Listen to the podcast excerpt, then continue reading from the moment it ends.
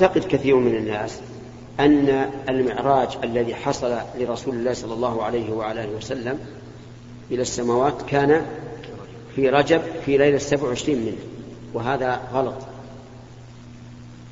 هم يعتقدون أنه في ليلة السبع وعشرين ويحتفلون في تلك الليلة وعليه فيكون غلط من وجهين. الوجه الأول من الناحية التاريخية. فإنه لم يثبت ولم يقل أحد من العلماء السابقين إنه كان في رجب بل قالوا إنه كان في ربيع الأول وبعضهم قال في رمضان والصواب أنه في ربيع الأول. الناحية الثانية التي غلطوا فيها الاحتفال بها. يعني لو فرض جدلا أنها ليلة سبع وعشرين من رجب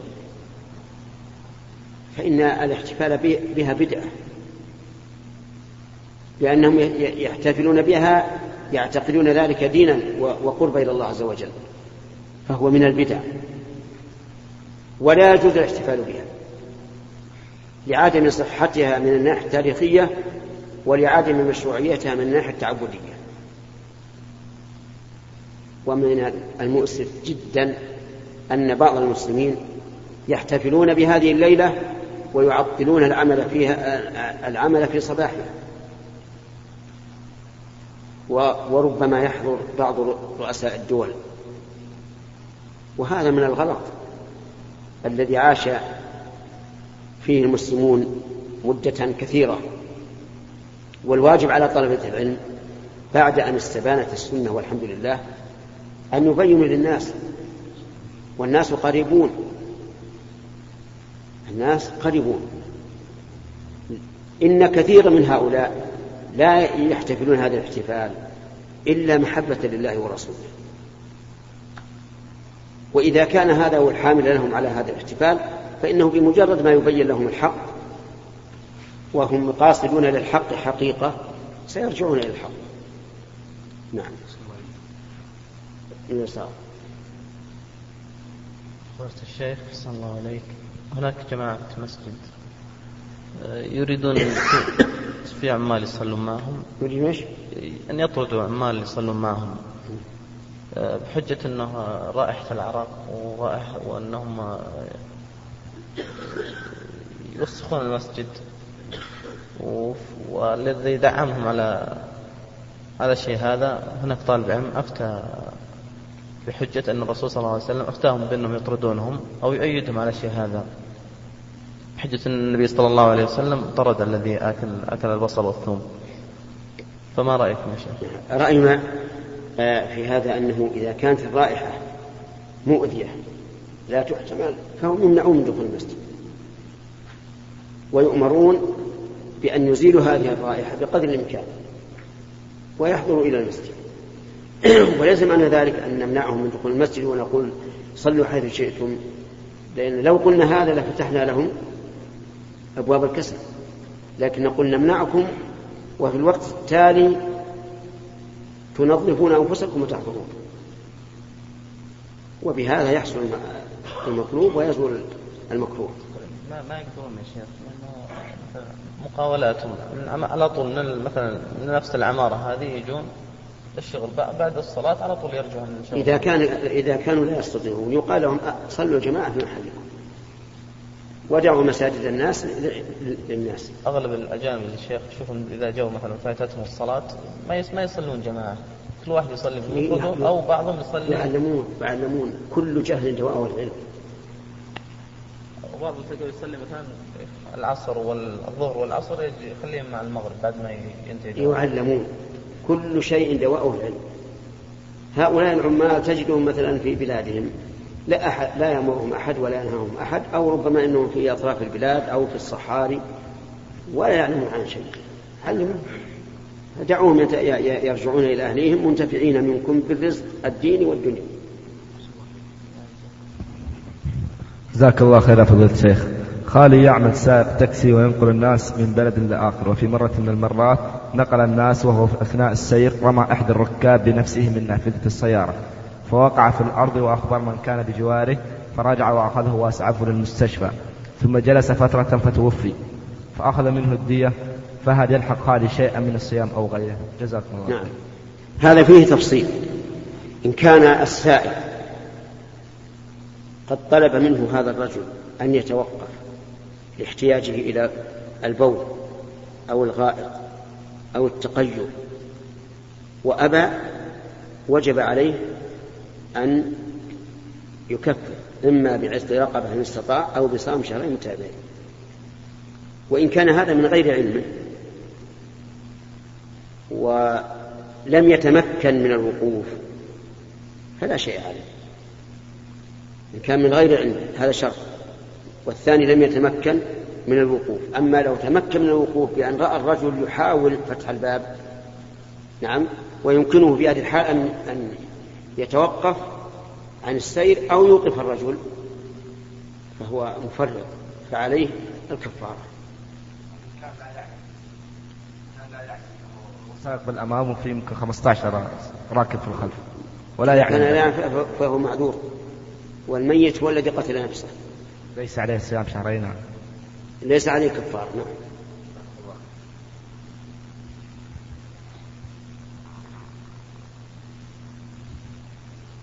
اللي بيسأل يسأل ولا يمشي لو لو أن طفل طفل صغير حج قبل البلوغ هل يجوز الحج إذا كبر؟ هل؟ طفل طفل صغير قبل يعني حج قبل أن يبلغ إيه نعم هل يجوز له أنه يحج إذا كبر؟ نعم يقول إذا حج الصبي قبل أن يبلغ ثم بلغ هل يلزمه أن يحج مرة أخرى و... والجواب؟ الجواب لا. لا تجزئه الحجة الأولى. لابد أن يحج مرة ثانية. لأن الحجة التي وقعت منه أولا وقعت على أنها نفل. لا على أنها فرض. وحج الإسلام حج فرض. فيجب عليه أن يعيد الحجة مرة ثانية. وتكون الأولى تكون تطوع. نعم. فضيلة الشيخ هل يجوز قرن مثلا كلمة لا إله إلا الله محمد عبده ورسوله في غير التحيات؟ إي نعم. يجوز أن يقول الانسان لا إله إلا الله محمد رسول الله. أشهد أو يجوز أن يقول أشهد أن لا إله إلا الله وأشهد أن محمد رسول الله. ويقول أشهد أن لا إله إلا الله وأشهد أن محمد عبده ورسوله. ويقول لا إله إلا الله محمد عبده ورسوله. كل هذا جائز. العلم على أحد العوام. لا لا لكن الصيغة نعم. التي وردت أفضل من غيرها. نعم. إنكار أحد طلبة العلم على يعني ردنا عليه مثلا. ما كيف؟ إنكار؟ أنكر يقول ما يجوز إنك تقرأ الكلام هذا إلا في التحيات بس. لماذا؟ ما, ما دام انه جاز في التشهد يجوز يقول ما يجوز تقرنه إلا التشهد ما, ما عنده علم. إن كان عنده علم فليأتي به. جزاك الله خير. بعده يسار الله عليك لماذا لا يجزي صدقة الفطر؟ لماذا لا يجزي صدقة الفطر بالفلوس أي دراهم؟ نعم. آه، لا يجزي إخراج زكاة الفطر إلا من الطعام. لقول عبد الله بن عمر رضي الله عنهما فرض النبي صلى الله عليه وعلى آله وسلم زكاة الفطر صاعا من تمر أو صاعا من شعير. فعين وقال أبو سعيد الخدري رضي الله عنه كنا نخرجها على عهد النبي صلى الله عليه وعلى آله وسلم صاعا من طعام من طعام ولأن النبي صلى الله عليه وسلم فرضها صاعا من طعام تمر أو شعير أو زبيب أو أقط وهذه الأربعة في الغالب مختلفة القيمة أليس كذلك؟ مختلفة القيمة؟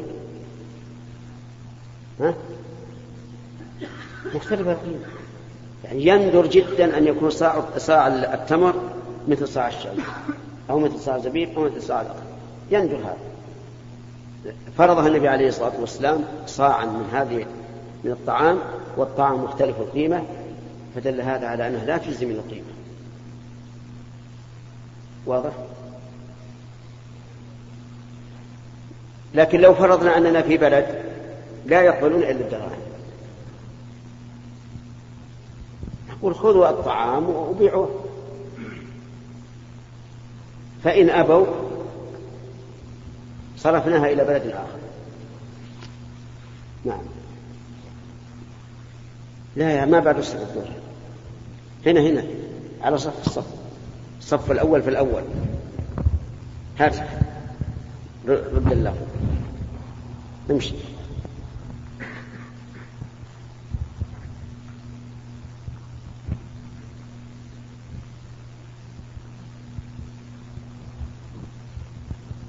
خلص الصف الثاني ما في أحد. الثالث. كثيرا على المسجد ويوكل من هو أفضل منه. هل يأثم إذا تغيب وترك المسجد بعض الأحيان؟ يعني إمام لا يقوم بالإمامة يوكل. لا يحل له ذلك. وما يأخذه من راتب فحرام عليه. لابد من عذر قوي وإلا هو اذا كان عذر لا بأس مثلا مرض الإنسان ولزم الفراش لمدة شهر أو شهرين ما ليس عليه شيء. لكن عليه عليه ان أن ينيب من يقوم باللازم. أما إنسان يروح يمين ويسار بدون عذر ويقول أنا وكلت إنسان أقرأ مني وأعلم مني نعم هذا حرام عليه.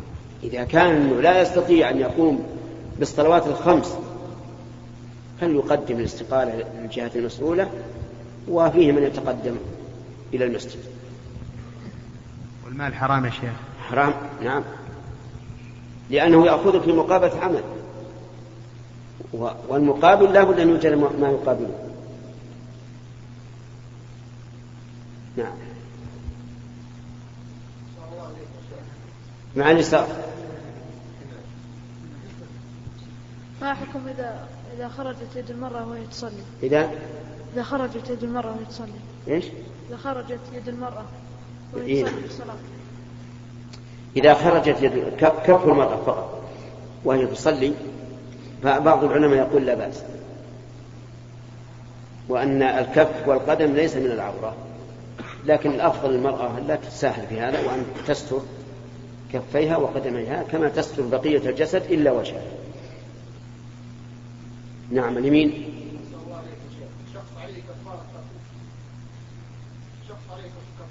نعم. لا يستطيع العتق ولا الصيام.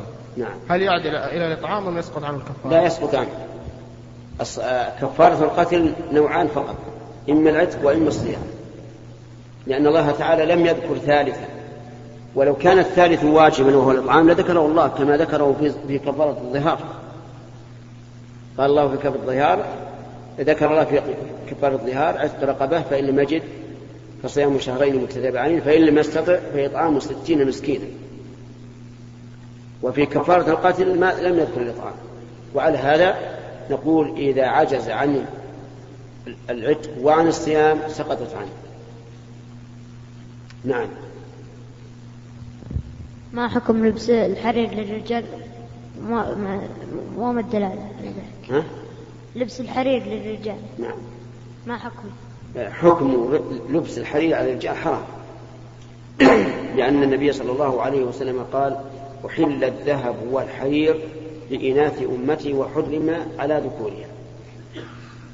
إلا إذا كان هناك ضرورة بأن لم يجد الإنسان سوى ثوب الحرير فلا حرج أن يلبسه. حتى تزول ضرورته أي حتى يجد ثوبا مباحا. نعم. إذا وجد إذا إذا كان ضرورة لا بأس يلبس مثل الإنسان ما ليس معه ثوب إلا حرير. دلالة؟ شلون؟ ها؟ هذه حديث سمعته قال النبي صلى الله عليه وسلم أحل الذهب والحرير لإناث أمتي وحرم على ذكورها. نعم بعده. مع اليمين.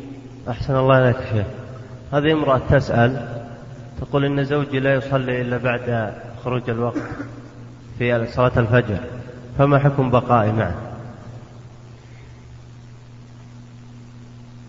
إذا كان هذا الزوج يصلي بقية الصلوات فإنه ليس بكافر. ولا حرج أن تبقى معه لا, لا سيما إن كانت ذات عيال. وتخشى إن فارقته من الضياع فلا حرج أن تبقى. ولكن عليها أن تناصحه وأن تخوفه بالله. لأنه إذا أخر صلاة الفجر عن غير عذر وصلاها بعد طلوع الشمس فصلاته باطلة مردودة عليه. نعم. وانفعنا بعلمكم. يا شيخ لو إنسان حلف آه، نذر بنذر آه، محرم فهل يوجب أن ينفذ هذا النذر؟ نذر إيش؟ أو يفعل شيء محرم فهل يجب أن ينفذ هذا النذر أم لا؟ هل؟ يجب أن ينفذ هذا النذر أم لا؟ لا إذا نذر فعل شيء محرم حرم أن يوفي به لقول النبي صلى الله عليه وعلى آله وسلم من نذر أن يعصي الله فلا يعصي فلو نذر أن لا يكلم عمه مثلا فالنذر حرام. وعليه أن يكلم عمه وأن يطعم عشرة مساكين. ولو نذر أن لا يصلي مع الجماعة فعليه أن يصلي ويطعم عشرة مساكين. فمن نذر فعل شيء محرم سواء ترك واجب أو انتهاك معصية فإنه لا يوفي به ولكن عليه أن يكفر كفارة يمين نعم. تفضل. ما حكم شراء الذهب بالدين؟ شراء الذهب بالدين محرم لأنه يجب في شراء الذهب أن يكون يدا بيد إلا إذا اشترى الذهب بما لا ربا فيه بأن يشتري الذهب بسيارة مثلا أو بطعام أو بلباس أو بأرض عنده مثلا. المهم إذا اشترى الذهب بشيء لا ربا فيه فلا بأس أن يتفرق قبل قبل التقابل وأما إذا اشتراه بدراهم فإنه لا يجوز التفرق حتى يتقابض الطرفان. لقول النبي صلى الله عليه وسلم حين ذكر أصناف الأموال التي فيها الربا قال إذا اختلفت هذه الأصناف فبيعوا كيف شئتم إذا كان يدا بيد. لا يجوز لا يجوز أبدا. هذا ربا. هذا ربا. لا يجوز إلا أن أن يسلم المبلغ كاملا. إيش؟ وكذلك المبادرة بالذهب لا بد من شرطين. الشرط الأول أن يتساوى في الميزان وزن سواء. والثاني القبض قبل التفرق وإلى هنا ينتهي اللقاء لأنه أذن لصلاة الظهر.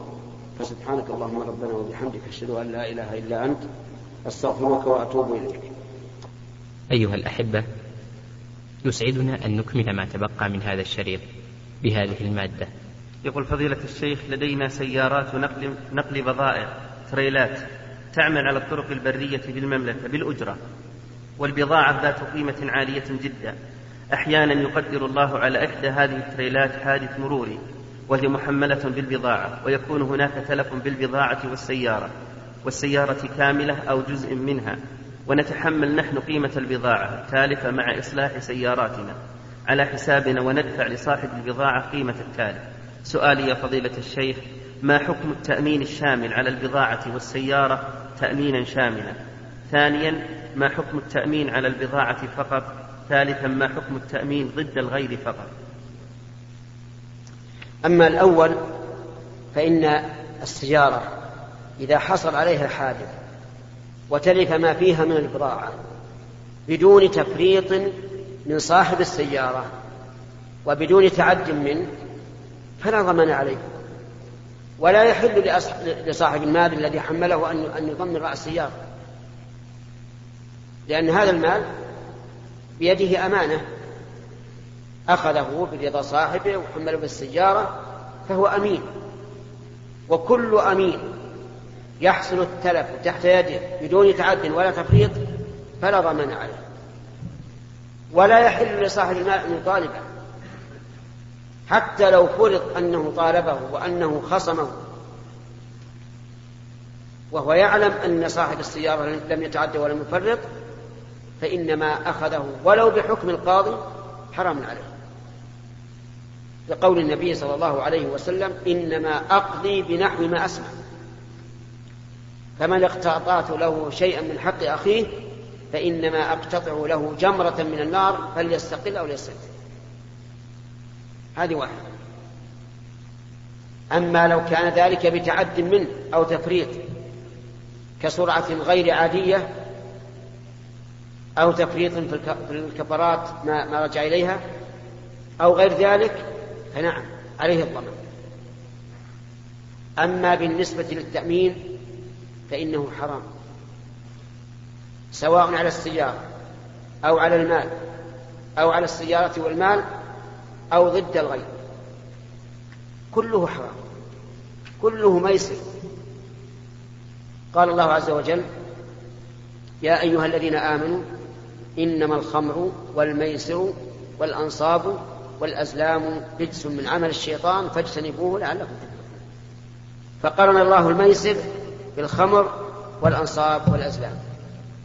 والميسر والتأمين من الميسر.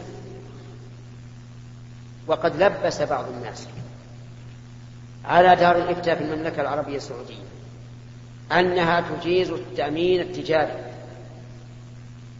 كالذي أراده السائل. وأصدرت لجنة لجنة الإفتاء وعلى رأسها سماحة الشيخ عبد العزيز باز أصدرت بيانا بأن هذا كذب على اللجنة وأن اللجنة إنما تجيز التأمين التعاوني بمعنى أن يجعل صندوق بين العائلة توضع فيه دراهم ومن حصل عليه حادث أعانوه منه. ولا يرجع إليه شيء. وأن هذا الذي نسب إلى هيئة كبار العلماء تلبيس ودجل فنصيحتي لإخوان المسلمين عموما أن يتقوا الله عز وجل وأن لا ينتهكوا حرمات الله وأن يعلموا أن المال خلق لهم ولم يخلقوا للمال وأن يعلموا أن المال عارية إما أن تفقده في حياتك أو تموت ويكون لمن خلفك. فالتأمين بجميع أنواعه وأشكاله حرام. لكن قيل لنا إن بعض البلاد يجبرون الإنسان على التأمين. ولا يعطونه رخصة السيارة. ولا أي معاملة إلا بالتأمين. فماذا يصنع الإنسان؟ نقول هذه ضرورة. أعطهم ما طلبوا منك للتأمين ولكن إذا حصل عليك حادث لا ترجع عليهم إلا بمقدار ما أعطيته لأن العقد الذي بينكم عقد باطل شرعا. وإذا كان باطلا شرعا بطل ما يستلزمه هذا العقد وما يقتضيه هذا العقد. ولا يحل لك أن تأخذ إلا مقدار ما أخذ منك فقط. نعم. أيها الإخوة في ختام هذه المادة. نسأل الله أن نلقاكم في لقاءات